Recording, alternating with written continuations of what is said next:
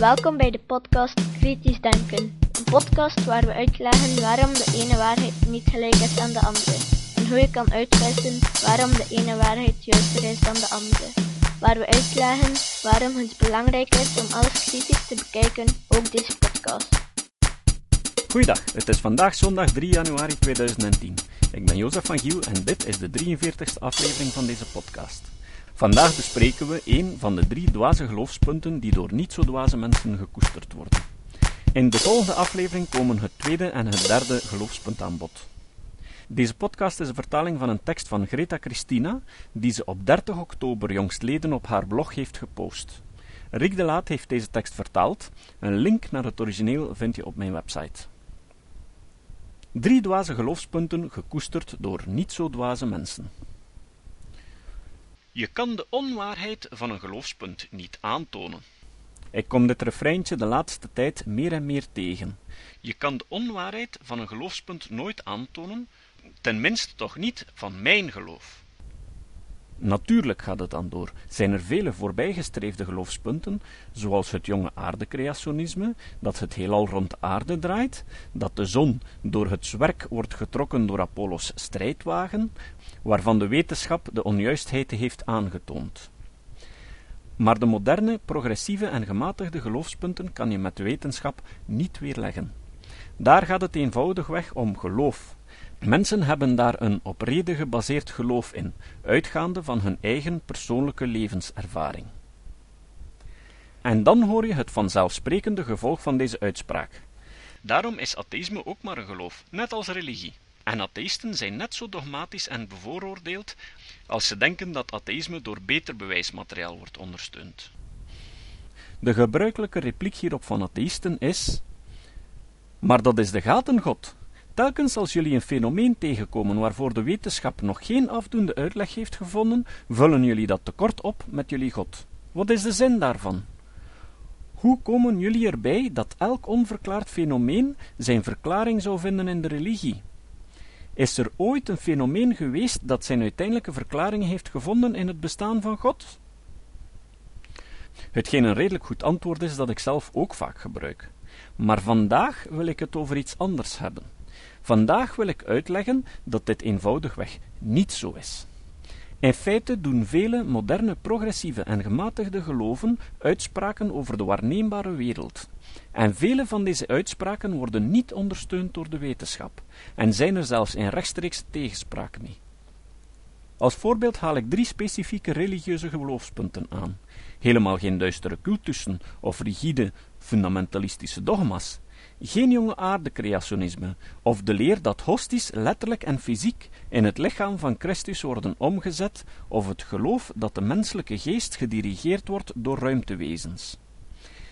Ik wil het hebben over drie wijdverbreide geloven van moderne, progressieve en gematigde gelovers. Geloven die je wel vaker tegenkomt bij intelligente en opgeleide gelovigen die wetenschap respecteren en denken dat er geen contradictie is tussen geloof en wetenschap. En ik wil erop wijzen dat ook deze geloven in directe tegenspraak zijn met het voorhanden zijnde bewijsmateriaal, bijna in dezelfde mate als de duistere cultussen en rigide fundamentalistische dogma's. Hier gaan we dan. De huidige te weerleggen geloofspunten zijn 1. De evolutie wordt geleid door God. Ook gekend als theïstische evolutie. Bij progressieve en gematigde gelovers komt dit idee over evolutie in hoge mate voor. Ze verwerpen vlot, en terecht, de bewering van de jonge aardecreationisten dat de mensheid en het heelal 6000 jaar terug eensklaps werd geschapen. Ze verwerpen deze beweringen omdat ze het bewijsmateriaal volledig tegenspreken. Daarentegen beweren ze dat de evolutie precies zo verloopt als dat de biologen beweren, maar dat dit proces door God wordt gestuurd, dat daardoor de mensheid en de rest van het leven zijn ontstaan. Een geloof dat al bijna evenzeer als het jonge aardecreationisme door bewijsmateriaal wordt weerlegd. Nergens in de anatomie, nergens in de genetica, Nergens in het fossiele bestand of het geologische feitenmateriaal is er een greintje aan bewijsmateriaal voor een goddelijke interventie terug te vinden. Integendeel, Als het waar was dat God het evolutieproces had gestuurd, dan zou ze helemaal anders zijn verlopen. Dan zouden we regelmatig zien dat, als de anatomie van generatie naar generatie verandert, tenminste af en toe een structuur op niet geleidelijke wijze zou zijn bijgewerkt. Dan zouden bijvoorbeeld menselijke knieën en ruggen beter zijn aangepast aan een leven op twee benen dan voor een leven op vier poten, zei ze bitter, een ijszakje op haar zere knie leggend. We zouden verwachten dat menselijke netvliezen geen blinde vlek meer zouden vertonen, maar zouden vervangen zijn door het veel betere ontwerp zoals dat te vinden is in een octopusoog bijvoorbeeld. We zouden verwachten dat de vaguszenuw zou herleid zijn, zodat ze die vreselijke omweg niet moet maken om haar bestemming te bereiken. We zouden verwachten dat ons brein zou toegerust zijn met een risicokosten-batenanalyse beter aangepast aan een levensduur van 70 jaar dan aan een van 35 jaar. We zouden verwachten, ik kan zo nog uren doorgaan. En dat telt niet alleen voor mensen. We zouden walvissen met kieven verwachten, en panda's met echte duimen, en struisvogels zonder overbodige vleugeltjes, en, en, en. Allemaal niets van te merken. Wat we wel zien, is wat we zouden verwachten als de evolutie zou verlopen als een natuurlijk fysisch proces. We komen ontwerpen tegen met fouten, inefficiënt en soms volledig van de pot gerukt. Ontwerpen, wier enige redelijke verklaring is te vinden in de geleidelijkheid die te vinden is in het fysische proces van evolutie. We zien anatomische aanpassingen die minder efficiënt zijn dan zou kunnen, als ze niet ingeperkt waren door het feit dat elke nieuwe generatie maar een kleine verschuiving in eigenschappen kan vertonen ten opzichte van de vorige, zonder plotse sprongen naar een volledig nieuw en beter ontwerp. Wij zien anatomische aanpassingen die slechts weinig veranderen, doordat elke nieuwere versie een verbetering moet zijn van de vorige, of tenminste geen verslechtering. We zien massale hoeveelheden bewijsmateriaal dat evolutie slechts zeer langzaam, zeer geleidelijk gaat, waarbij de anatomie maar heel weinig of niets verandert ten opzichte van de vorige generatie. En zo zou het niet gaan als hier een bewuste ontwerper aan het werk was. Zelfs maar wat geprutst door een bewuste ontwerper zou andere resultaten opleveren. Zelfs als een ontwerper moet vertrekken van een reeds bestaand ontwerp, dan nog kan hij ingrijpende, niet geleidelijke veranderingen aanbrengen. Hij kan kastjes uitbreken en er vensters voor in de plaats zetten, en de kachel zetten op de plaats waar nu de koelkast staat.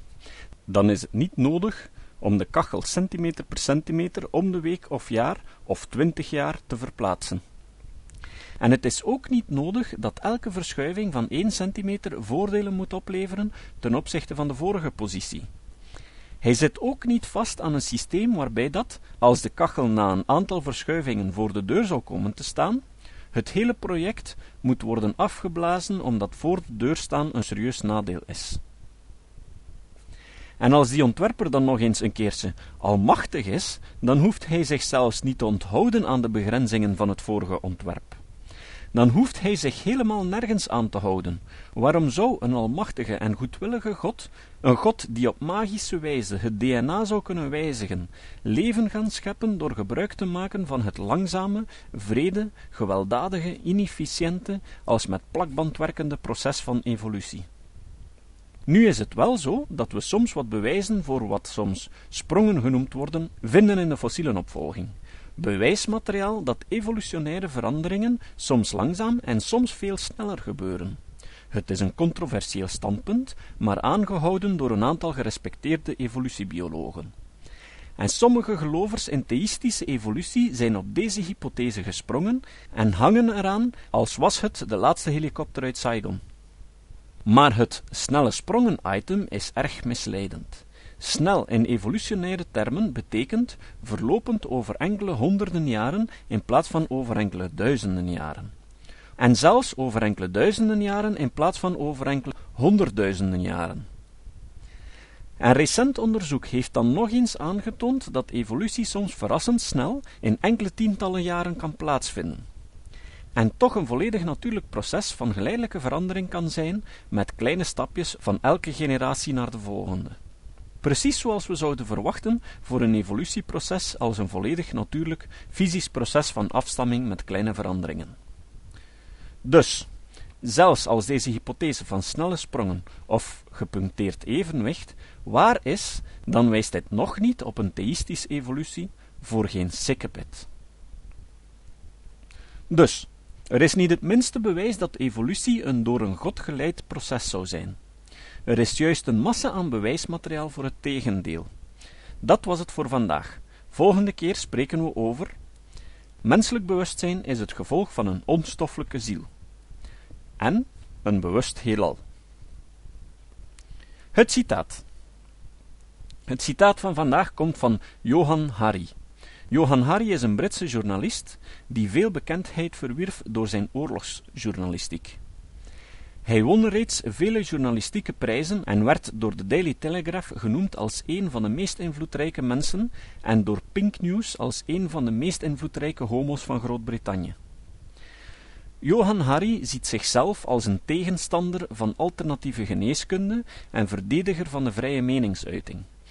In verband met dat laatste pleit hij voor de uitbreiding van de wetten op vrije meningsuiting tot kritiek op godsdiensten, natuurlijk met inbegrip van de islam.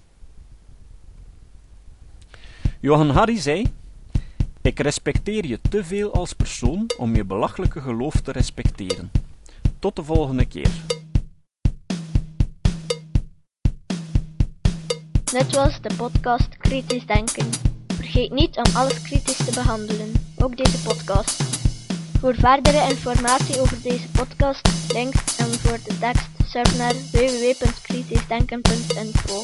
Als je deze podcast belangrijk vindt, dan kan je me steunen door andere mensen warm te maken ook eens te luisteren. Stuur een e-mail naar je vrienden met een link naar mijn website of plaats de link in de handtekening van je e-mails.